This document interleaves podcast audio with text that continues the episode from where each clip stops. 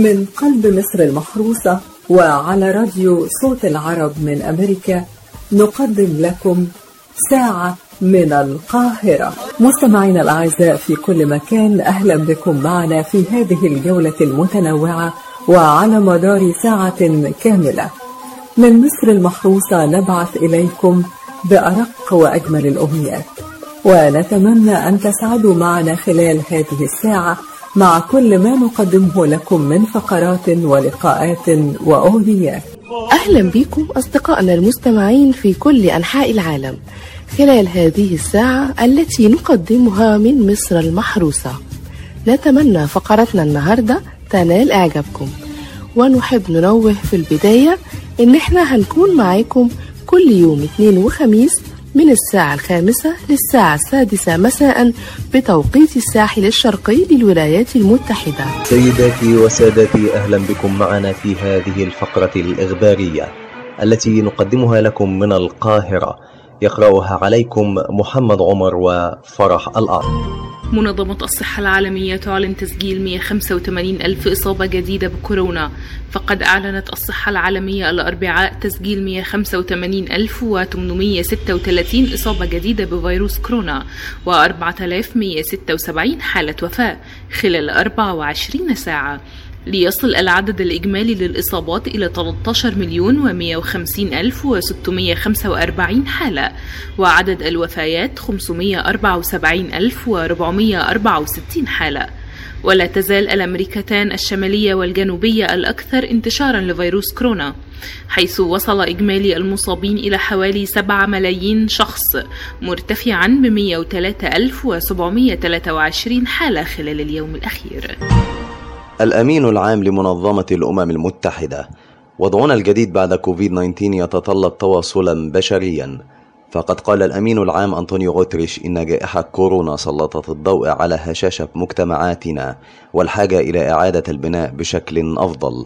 جاء ذلك خلال ندوة شبابية عقدت افتراضيا اليوم الأربعاء وركزت على كيفية التكيف والمضي قدما في الواقع الجديد لعالم كوفيد 19 وناقشت السبل التي تمكن الشباب من الحفاظ على الصحة العقلية الجيدة والشعور بالرفاهية.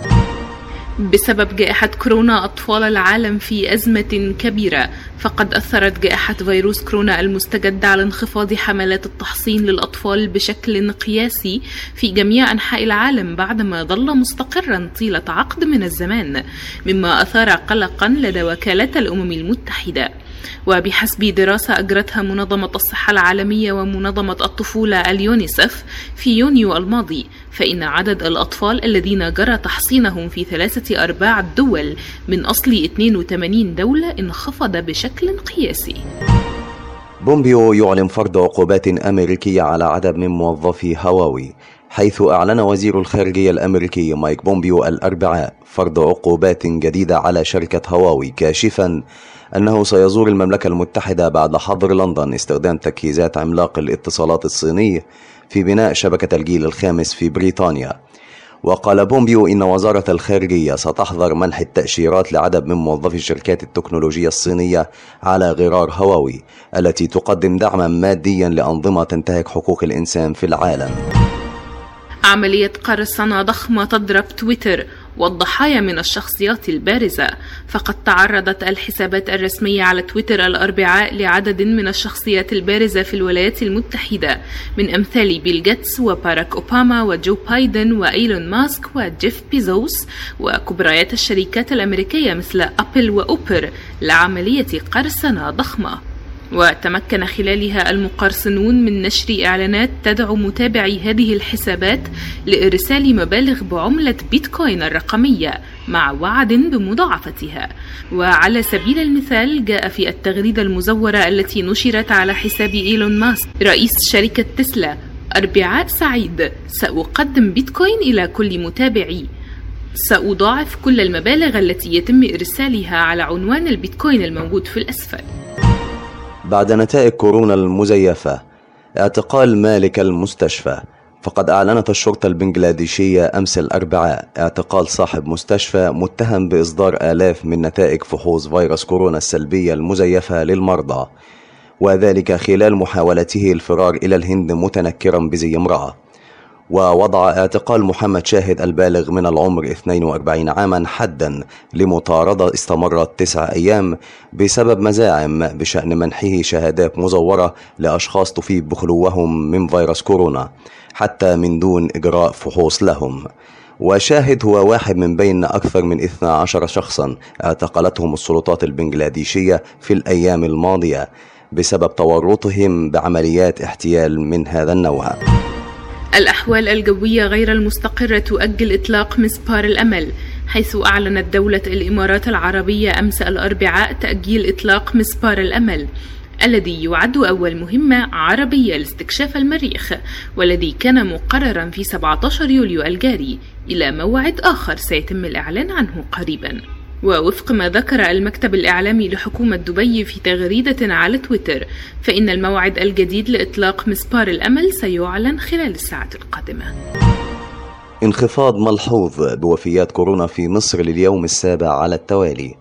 فقد سجلت مصر الأربعاء تراجعا ملحوظا في أعداد وفيات فيروس كورونا المستجد كوفيد 19 إذ أعلنت وزارة الصحة والسكان تسجيل 59 حالة وفاة خلال ال 24 ساعة الأخيرة. وأعلنت وزارة الصحة المصرية في البيان اليومي عن خروج 591 متعافيا من فيروس كورونا من المستشفيات ليرتفع إجمالي المتعافين من الفيروس إلى 26135 حالة حتى اليوم. وتم تسجيل 913 حالة جديدة تثبت إيجابية تحاليلها معمليا للفيروس. السيسي يبحث أزمة ليبيا مع ماكرون وإشادة فرنسية بجهود مصر فقد أعلن المتحدث الرسمي باسم الرئاسة المصرية مساء الأربعاء. أن الرئيس عبد الفتاح السيسي أجرى اتصالا هاتفيا مع الرئيس الفرنسي إيمانويل ماكرون. تناول تبادل وجهات النظر والرؤى بشأن تطورات الوضع في ليبيا. واستعرض السيسي الجهود المصرية المركزة لتسوية الأزمة الليبية على نحو يفعل إرادة الشعب الليبي ويحافظ على موارد بلاده ووحدة وسلامة أراضيه. وفي ذات الوقت يصون الأمن القومي المصري بالعمق الجغرافي الغربي. ومن جانبه أشاد الرئيس الفرنسي بالتحركات المصرية الدؤوبة لإحلال الأمن والاستقرار في ليبيا في إطار إعلان القاهرة كامتداد لمسار برلين لتسوية الأزمة الليبية. الأمم المتحدة تحذر من تسرب نفطي محتمل من ناقلة قبالة اليمن. فقد حذرت الأمم المتحدة أمس الأربعاء من أنه إذا لم يتخذ إجراء للتعامل مع ناقلة نفط متهالكة راسية منذ سبع سنوات قبالة ساحل اليمن فإنه قد يتسرب منها نفط يزيد أربع مرات عما تسرب من الناقلة إكسون فالديز وتسبب في كارثة بيئية قبالة ألاسكا عام 1989 وتحمل الناقلة صافر 1.1 مليون برميل من النفط الخام وهي متوقفة قبالة مرفأ رأس عيسى النفطي المطل على البحر الأحمر منذ أكثر من خمس سنوات. وقال مارك لوكوك منسق الإغاثة بالأمم المتحدة في اجتماع لمجلس الأمن لبحث المسألة إنه في يوم 27 مايو بدأت المياه تتسرب إلى غرفة المحركات بالناقلة مما ينذر باحتمال حدوث تلفيات ضخمة. بعد ساعات من استقالته. الفخفاخ يقيل وزراء النهضة. فقد قرر رئيس الوزراء التونسي إلياس الفخفاخ إقالة جميع وزراء حركة النهضة من الحكومة التونسية بصفته رئيس الوزراء المكلف بتسيير الأعمال. في خطوة تصعيدية ردا على قرار الحركة بسحب الثقة منه. ومؤشر على وصول الخلافات بينهما إلى نقطة لا عودة يأتي ذلك بعد ساعات من تقديم الفخفاخ استقالته إلى رئيس الجمهورية قيس سعيد وقال الفخفاخ إن هذه الخطوة جاءت لتجنيب البلاد مزيدا من الصعوبات وحتى يفسح له طريقا جديدا للخروج من الأزمة. ويتعين على سعيد الآن اختيار مرشح جديد للمنصب لكن البرلمان منقسم بشدة بين أحزاب متنافسة وسيؤدي الإخفاق في تشكيل ائتلاف حكومي آخر لإجراء الانتخابات.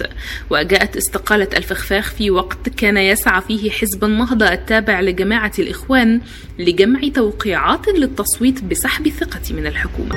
ونختتم هذه الفترة الإخبارية بهذا الخبر الرياضي.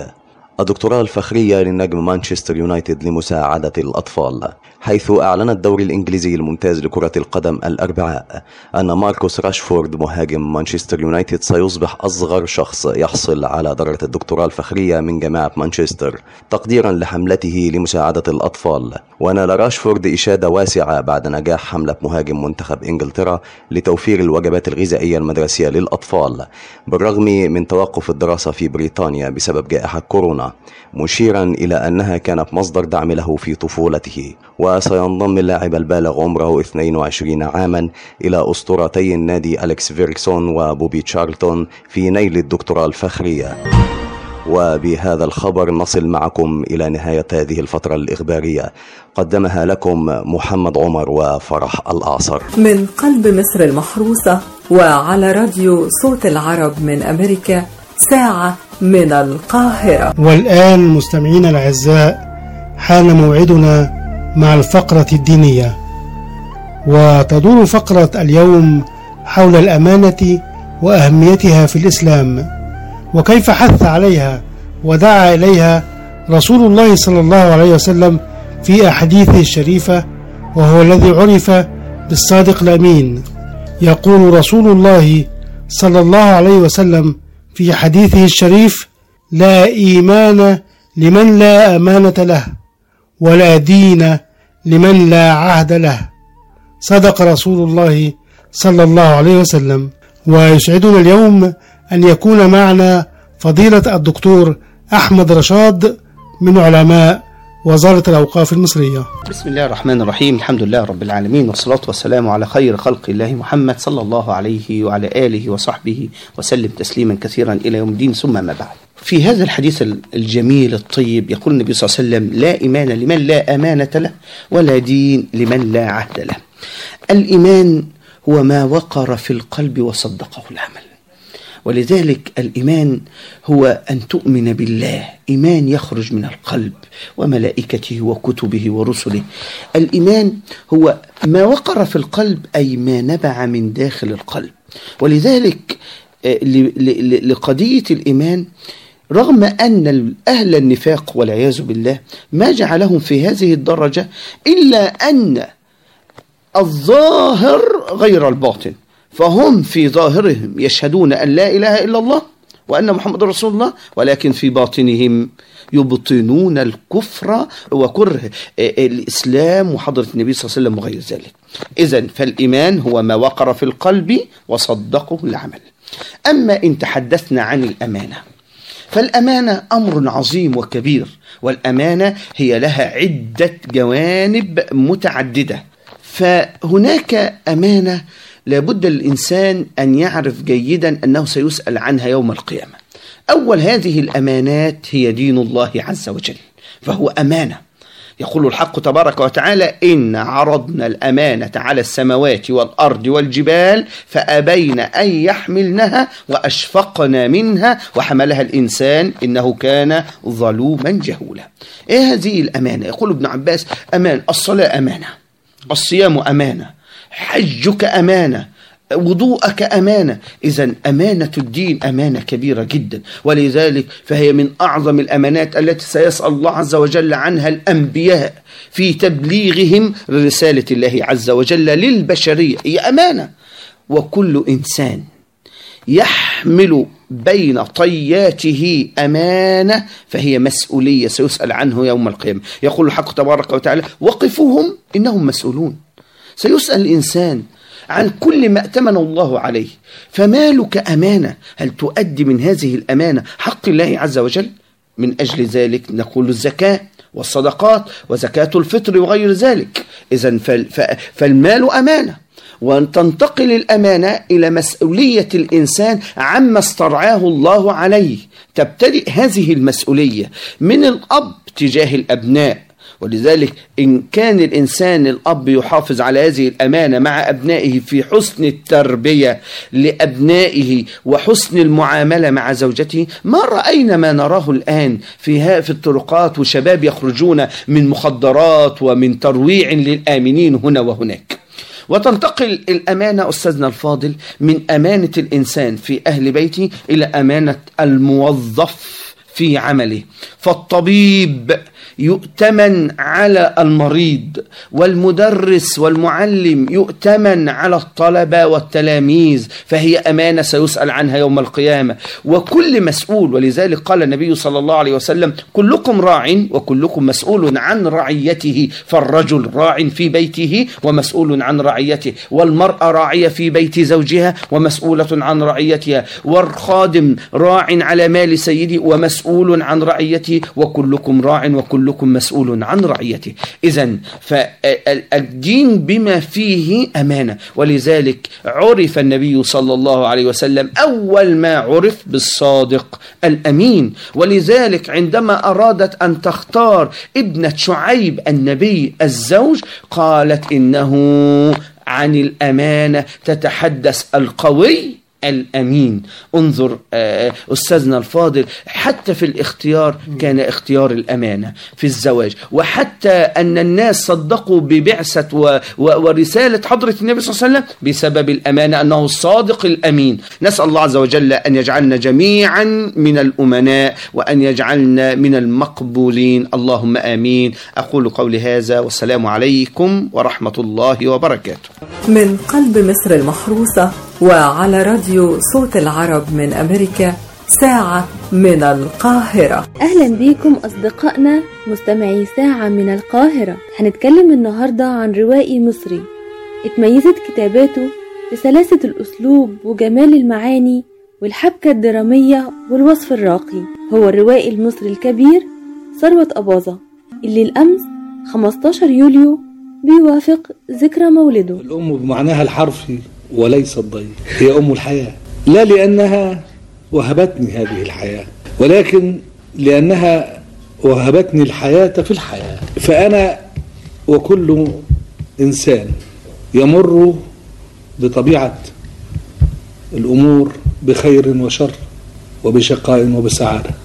وفي الشقاء يحتاج لهذه اليد الآسية تمسح عنه دمعة الشقاء وترد إليه هدأة الطمأنينة. هي يد الأم وفي السعادة يحتاج لإنسان يقول له أنا سعيد. وربما تكون في السعادة حاجة الإنسان إلى الإنسان الآخر أشد في الشقاء أشد منها في الشقاء. لأن السعادة لا معنى لها إن لم أرها على وجوه الآخرين. وقل أن نرى الآخرين إلا في وجه أمنا التي تتجسم فيها سعادتنا مئات المرات أكثر من حقيقتها حتى فالأم هي هذه المعاني كلها. ثروت أباظة كان كاتب فريد من نوعه. استطاع بأسلوبه إنه يترك بصمة مميزة في عالم المؤلفات. وكمان ترك ميراث عظيم ما نقدرش ننساه على مر السنين. ثروت أباظة ورث الكتابة من عائلته. كانت عائلة أباظة شركسية عائلة أدبية. فهي اللي أنجبت الأديب دسوقي أباظة والده وكمان أعمامه عزيز أباظة وفكري أباظة. بدأ ثروت أباظة الكتابة وهو في سن 16 سنة وقدم قصص قصيرة ومسلسلات إذاعية وبعدين اتجه للرواية اللي تحول عدد منها لأفلام ولقت نجاح كبير. عرف الكاتب ثروت أباظة بآرائه الصادمة للنظام وده خلاه يدخل في صدامات دائمة مع الرئيس الراحل جمال عبد الناصر وبعده الرئيس السادات. وكانت أشهر وقائعه لما كتب رواية شيء من الخوف وتحولت لفيلم وتم منعها من العرض. وده خلاه يقدم شكوى. فقرر الرئيس عبد الناصر إنه يشوف الفيلم. وكان الفيلم بتدور أحداثه حول فتاة اسمها فؤادة بتحب شاب اسمه عتريس. لكن الشاب ده بيتحول من شخص بريء لشخص كاسر ومجرم وبيحصل بينهم صراع كبير بينتهي برفضها للاستسلام لغاية ما ماتت. وبعد ما شاهد الرئيس جمال عبد الناصر الفيلم قرر عرضه.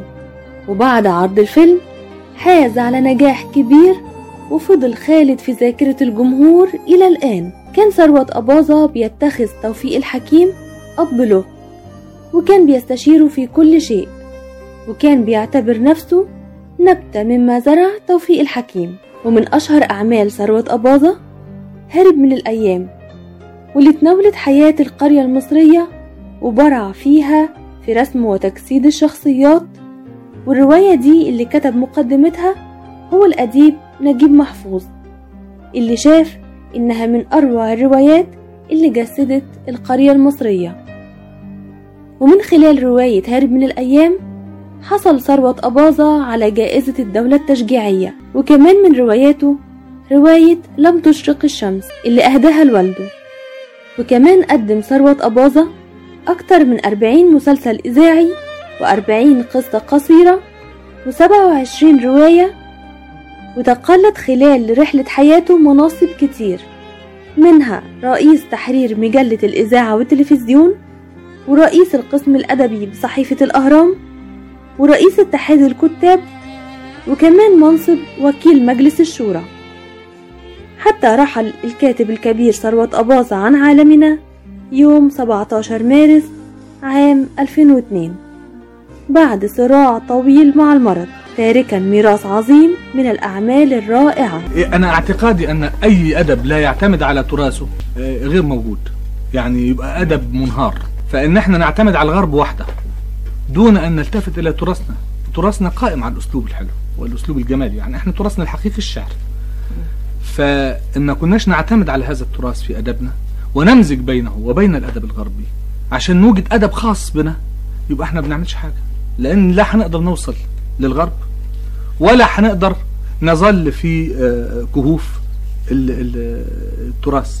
فالعمل الحقيقي اللي أنا بعتقد أن كل كاتب حديث يجب أن يعمله هو أن يمزج بين الحضارتين الحضارة العربية وهي التراث والحضارة الغربية بتفتحاتها الجديدة. شكرا لكم مستمعينا كانت معكم أميرة مير من قلب مصر المحروسة وعلى راديو صوت العرب من أمريكا ساعة من القاهرة. مستمعينا في كل مكان أهلا وسهلا بكم معنا في هذه الفقرة الفنية اللي بنقدمها لكم من ألبوم. الذكريات. يصادف غدا يوم 17 يوليو ذكرى رحيل فنان مصري يعد أحد أيقونات الفن العربي ورمز من رموزه الأصيلة حيث لقب بأبو السينما المصرية وهو الفنان المصري حسين رياض. ولد الفنان حسين رياض في السيدة زينب يوم 13 يناير. بدأ هوايته في التمثيل أثناء دراسته الثانوية فانضم إلى فريق الهواة بالمدرسة وكان مدربه إسماعيل وهبي شقيق الفنان يوسف وهبي. شارك في أول عمل مسرحي له عام 1916 في مسرحية خلي بالك من إيميلي على مسرح جورج أبيض. وخوفا من أن تتعرف عائلته على عمله بالفن قام بتغيير اسمه من حسين محمود شفيق إلى حسين رياض. وظل يعمل في الكثير من الفرق المسرحية. فعمل مع فرقة الريحاني ومنيرة المهدية وعلي الكسار وعكاشة ويوسف وهبي وفاطمة رشدي وأيضا اتحاد الممثلين عام 1934 قدم العديد من المسرحيات منهم تاجر البندقية أنطونيو وكيلوباترا مدرسة الفضائح شهرزاد الندم وغيرهم الكثير. وحصل على لقب ممثل من الدرجة الممتازة. اتجه الفنان حسين رياض إلى السينما وكان أول عمل سينمائي له فيلم ليلى بنت الصحراء عام 1937 مع الفنانة بهيجة حافظ. وظل يعمل في السينما حتى بلغ عدد أفلامه نحو 320 فيلما حيث شارك في العديد من الأعمال الشهيرة في السينما المصرية ومنهم فيلم بابا أمين وأيضا فيلم رد قلبي وبين الأطلال وفيلم أنا حرة والناصر صلاح الدين وإسلاماه وأغلى من عيني وشفيقة القبطية ولحن الوفاة وأيضا شارع الحب وغيرهم الكثير قدم الفنان حسين رياض الكثير من الأعمال الإذاعية والتلفزيونية. فكان رصيده الفني 150 عملا إذاعيا حيث تنوعت أدواره فقام بأداء دور الأب الطيب المتسامح وقدم أيضا دور العمدة ورئيس العصابة وغيرها من الأدوار التي لعبها باقتدار. كان الفنان حسين رياض عاشقا للثقافة والفن. وكان يعقد في منزله صالونا ثقافيا أدبيا شعريا بشكل دائم. وكان الصالون يشهد حضور الشاعر إبراهيم ناجي والشاعر إمام الصفطاوي والموسيقار عبدو صالح والفنانة زوزو حمدي حكيم وغيرهم من نجوم الثقافة والفن والأدب. حصل الفنان حسين رياض على وسام الفنون من الرئيس المصري السابق جمال عبد الناصر عام 1962 وقد حصل على درع الريادة تكريما له في ذكرى ميلاده تسلمته ابنته فاطمة حسين رياض في مهرجان الإسكندرية السينمائي الدولي الستاشر. في يوم 17 يوليو من عام 1965 رحل عن عالمنا الفنان العظيم حسين رياض. أتمنى تكونوا استمتعتم بهذه الفقرة وانتظروني في حلقات البرنامج القادمة. وفقرات فنية جديدة بنقدمها لكم من ألبوم الذكريات. كنت معاكم مران عصام من فريق ساعة من القاهرة ولكم مني كل الحب والتحية. من قلب مصر المحروسة وعلى راديو صوت العرب من أمريكا ساعة من القاهرة. موعدنا اليوم مع ذكرى إقامة بطولة كأس العالم لكرة القدم عام 1994 وهي البطولة الخامسة عشر من بطولات كأس العالم والتي أقيمت في الولايات المتحدة الأمريكية.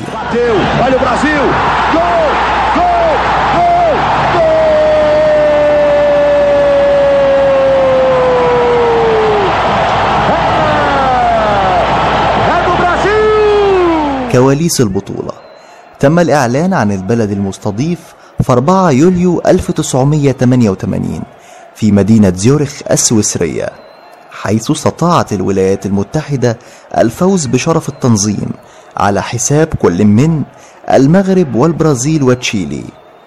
في تلك البطولة تأهل منتخب السعودية للمرة الأولى في تاريخه لمنافسات كأس العالم واستطاع أن يقدم مستوى مشرف تأهل من خلاله لدور الستاشر لكنه خرج بعدما خسر من منتخب السويد 3-1 ليصبح بذلك المنتخب السعودي ثاني منتخبات العرب التي تتأهل لدور الستاشر في تاريخ المشاركات العربية في منافسات كأس العالم. عشر دقائق. تعادل قائم بين منتخبنا الوطني السعودي ومنتخب هولندا. يحاول يحصل يلا شوف المرمى عبد الله. شوف المرمى عبد الله. حطها بجول آه ثاني هجمة خطيرة على منتخب هولندا من منتخبنا الوطني. يا سلام يا شباب. يا سلام يا شباب. يقطعها وتوصل ناحية سعيد. يلا سعيد. يلا سعيد. وماجد في الناحية الثانية. حيلعب سعيد عرضية عن عند ماجد. لكن بتنقطع. آه.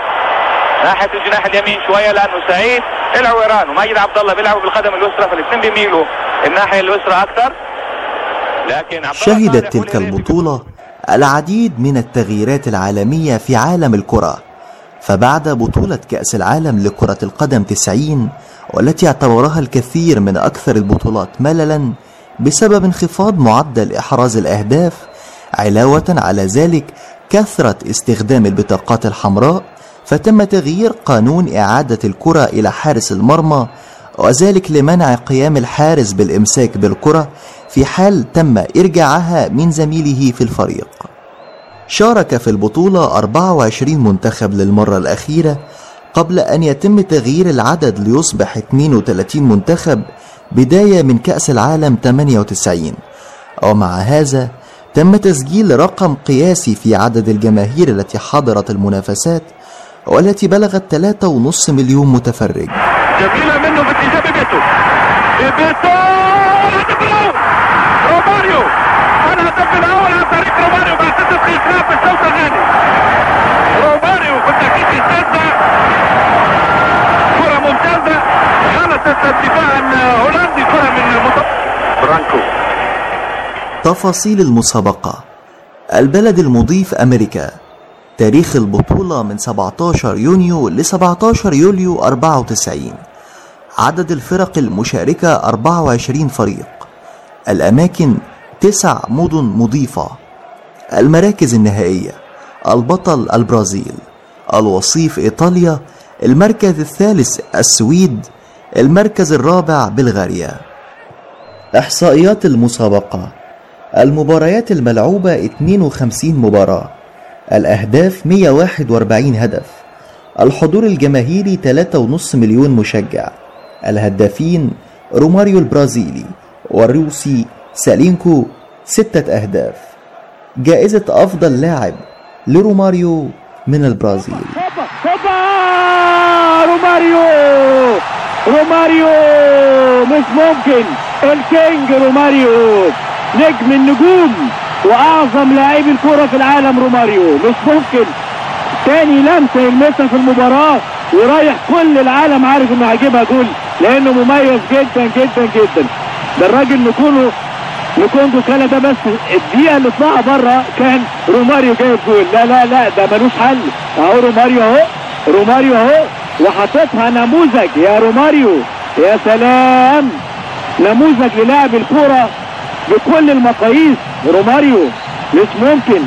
هداف ولا كلمة. أفضل لاعب شاب مارك أوفرمارس.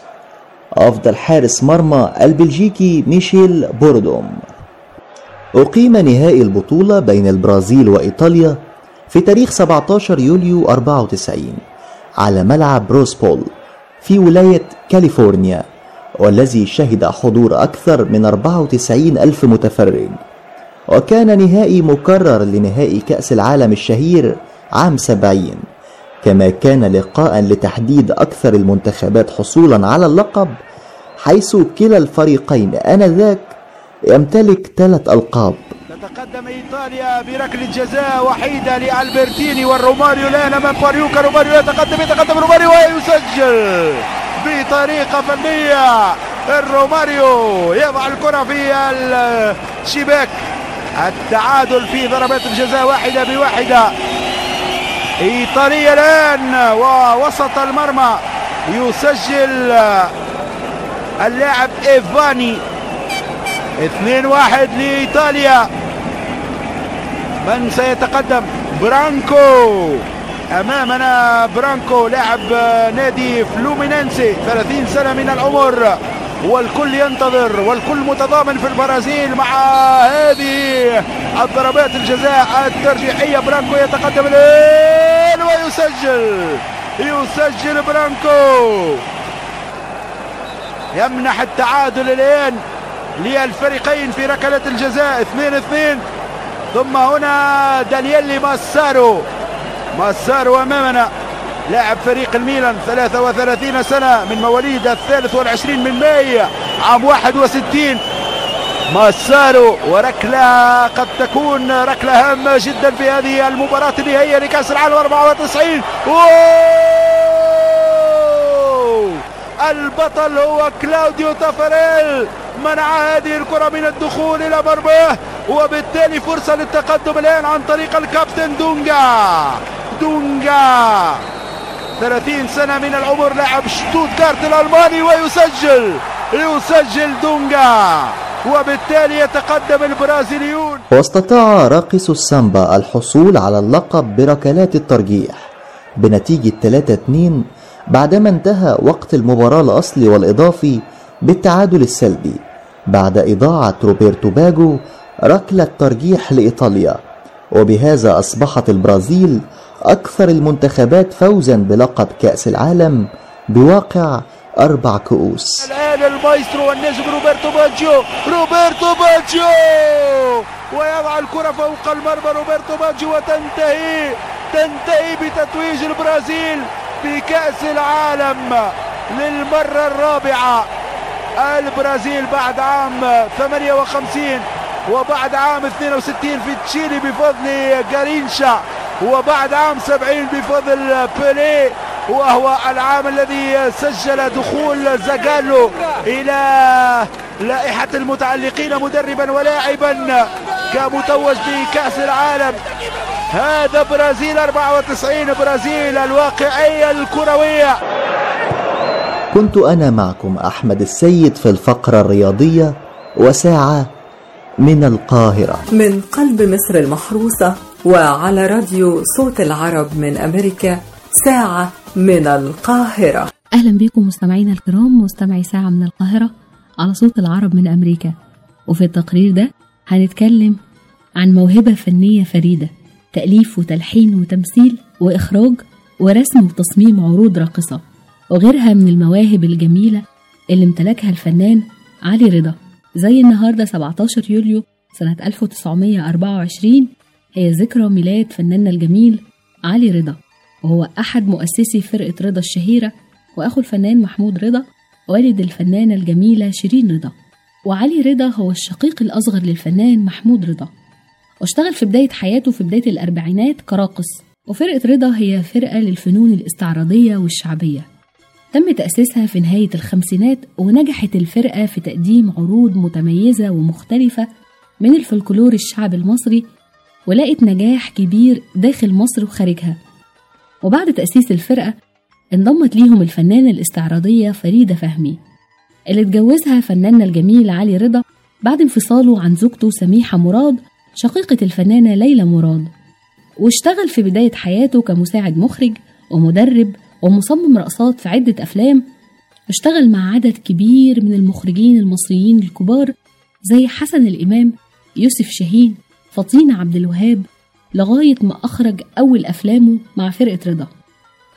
وأخرج أفلام كانت فرقة رضا هي البطل فيها زي أجازة نص السنة غرام في الكرنك. وبعد كده أخرج العديد من الأفلام زي آيا ليل يا زمن حياتي عذاب قضية عم أحمد. وإبداع علي رضا ما توقفش بس عند الرقص والإخراج لكن كمان تصميم الرقصات اللوحات الاستعراضية خلال الأفلام وهو مصمم رقصة الأغنية الجميلة الأقصر بلدنا لمحمود العزبي. أنشأ فرقة رضا الاستعراضية بداية الخمسينات في القرن الماضي تحت قيادته هو وأخوه محمود رضا وعرضهم لاقت إقبال كبير واستحسان من الجمهور داخل مصر وخارجها وده كان بالظبط سنة 1959 بداية الفرقة لما فكر الفنان محمود رضا في تكوين أول فرقة خاصة بالفنون الشعبية بالاشتراك مع أخوه علي رضا والراقصة الأولى فريدة فهمي بعد الرحيل المفاجئ للفنانة نعيمة عاكف. وبدأ التدريب وتصميم الأزياء وقدمت الفرقة أول عروضها المسرحية على مسرح الأزبكية في أغسطس سنة 1959 وفي الوقت ده بلغ عدد أعضائها عند التأسيس 13 راقصة و13 راقص و13 عازف. أغلبهم كانوا من خريجين الجامعة. وصمم محمود رضا الرقصات واستوحاها من فنون الريف والسواحل والصعيد والبرية وقام بإخراجها تحت إشراف الدكتور حسن فهمي ورعايته. وبفضل التكوين الراقي ده اكتسب فن الرقص احترام كبير في كافة طبقات المجتمع. وفي سنة 1961 صدر قرار جمهوري بضم فرقة رضا لوزارة الثقافة وأصبحت الفرقة تابعة للدولة وقام بإدارتها مود وعلي رضا. وفي سنة 1962 انتقلت الفرقة إلى مسرح موتربول وأصبح ليها منهج وملامح خاصة بيها في عروض الرقص الشرقي. كمان اللقاء الكبير بين محمود رضا والموسيقار علي إسماعيل أنتج عنه أول أوركسترا خاصة بالفنون الشعبية. واللي أعاد توزيع الموسيقى لأعمال الفرقة القديمة وقام بتلحين الأوبريتات الاستعراضية زي وفاء النيل علي بابا والأربعين حرامي رنة الخلخال وانتقلت الفرقة بعد كده لمسرح 26 يوليو في العتبة ومسرح نقابة المهندسين وبعدين دار الأوبرا ومسرح البالون اللي فضلت مستقرة بيه لغاية وقتنا ده. وفترة السبعينات وصل عدد الفنانين من الراقصين والراقصات والموسيقيين إلى 180 فنان. وقرر محمود رضا في الوقت ده تقسيم الفرقة إلى ثلاث أقسام. الفريق الأساسي اللي بيقدم العروض داخل وخارج مصر والفريق التاني بيمثل الصف التاني للفرقة وفريق بيتكون من مجموعات تحت التدريب. وتأسس بعد كده مركز لتخريج دفعات من الأعضاء لدعم الفرقة. وهي مدرسة فرقة رضا للمواهب الجديدة. وفي الثمانينات قدمت الفرقة لون جديد من ألوان الرقص وهي الموشحات الراقصة اللي لقت نجاح كبير ومنها عجبا لغزال قتال عجبا. من أشهر الرقصات حرامي القفة بائع العرق سوس المراكبي الشمعدان العصاية خمس فدادين الشاويش عطية النوبة زينة البدو بنت اسكندرانية زوج الأربعة ومن أشهر أفلامهم السينمائية الفرقة قامت بثلاث بطولات أفلام سينمائية ولقت نجاح كبير جدا من الجمهور وهي أجازة نص السنة غرام في الكرنك حرام الورقة الرجل الثاني. طافت الفرقة دول العالم أكتر من خمس مرات واحتلت المركز الأول في معظم الحفلات والمهرجانات الدولية واللي حضرها معظم ملوك ورؤساء الدول. وقدمت أكتر من 3000 عرض في مصر والعالم كله على أكبر المسارح العالمية. وقدمت الفرقة داخل مصر العروض القومية والمناسبات الفنية لمحافظات مصر المختلفة وافتتاح فرق الناشئين لكأس العالم المؤتمرات التعليمية ده غير البرامج السنوية اللي بتقدمها على مسرح البالون والموسم الصيفي في اسكندرية والمدن الساحلية. ومن أشهر الراقصين في الفرقة محمود رضا فريدة فهمي هناء الشربجي الجداوي رمضان محمد حسام الدين حسن عفيفي حسن السبكي هناء محمود سعاد سيد أحمد وفنانين كتير اشتغلوا في فرقة رضا. ومن أشهر المدربين محمود رضا نيفين رامز لطيفة توفيق سامي صديق أنس أحمد نبيه أحمد شلبي الجداوي رمضان فاروق مصطفى سمير علي أمين الشهير بسمير الجوكر. أما عن تصميم الديكور والملابس كانت من تصميم صلاح عبد الكريم رؤوف عبد المجيد فريدة فهمي كوثر محمد أحمد. ومن أهم مصممي الرقصات محمود رضا والجداوي رمضان نبيل مبروك حسن السبكي محمد حسام الدين سامي صديق فاروق مصطفى. ومن أشهر الملحنين علي إسماعيل بليغ حمدي فاروق سلامة حلمي بكر مصطفى حميدو وغيره من المشاهير من الملحنين ومن مؤلفي الأغاني سمير محجوب سمير الطائر نبيلة أنديل محمد العربي حسن كمال. وكمان شارك فيها عدد كبير من مشاهير المطربين زي كارم محمود عمر فتحي وكانت الأوركسترا بقيادة علي إسماعيل كمال هلال منير الوسيمي ماهر عرابي محمد حامد متولي وأخيرا حسيب عباس هو القائد الحالي وعازف الكمان بفرقة الراحلة أم كلثوم وعمل على إدارة الفرقة محمود رضا الجداوي رمضان وهيب لبيب حسام العزيزي عبد الرحمن الشافعي نيفين رامز سامي صديق إيهاب حسن منى مصطفى ومجد إبراهيم. وحصلت الفرقة على جوائز كتير على مستوى مصر والعالم. ولا زالت الفرقة قائمة بنشاطها الفني والقومي والعالمي والمؤتمرات الدولية والمهرجانات. أما عن فناننا الجميل مؤسس فرقة رضا علي رضا توفي الفنان سنة 26 أكتوبر سنة 1993 عن عمر 69 سنة بعد عطائه المميز في فرقة رضا. وبكده يبقى وصلنا لنهاية تقريرنا النهاردة. دمتم بكل صحة وعافية. شيرين سليمان. وفي نهاية الحلقة شكرا لكم مستمعينا الأعزاء. نرجو أن نكون قد أسعدناكم خلال هذه الساعة. انتظرونا في الحلقة القادمة بإذن الله وموضوعات جديدة دائما. ولكم تحيات أسرة فريق ساعة من القاهرة على راديو صوت العرب من أمريكا. شارك في هذه الحلقة من أسرة البرنامج محمد عمر فرح الأعصر شيرين سليمان رنا عصام أميرة مدحت أحمد السيد ولكم مني خالص تحياتي محمد صبري. مستمعينا الأعزاء وبكده نكون وصلنا بيكم إلى نهاية فقرتنا ورحلتنا النهاردة. وعلى أمل أن يتجدد اللقاء معكم في حلقة قادمة ورحلة جديدة بإذن الله. ومن هنا من قلب القاهرة نرسل لكم بأرق أمنياتنا الطيبة بقضاء أجمل الأوقات. وهذه أرق تحياتي. كان معكم من القاهرة مجدي فكري.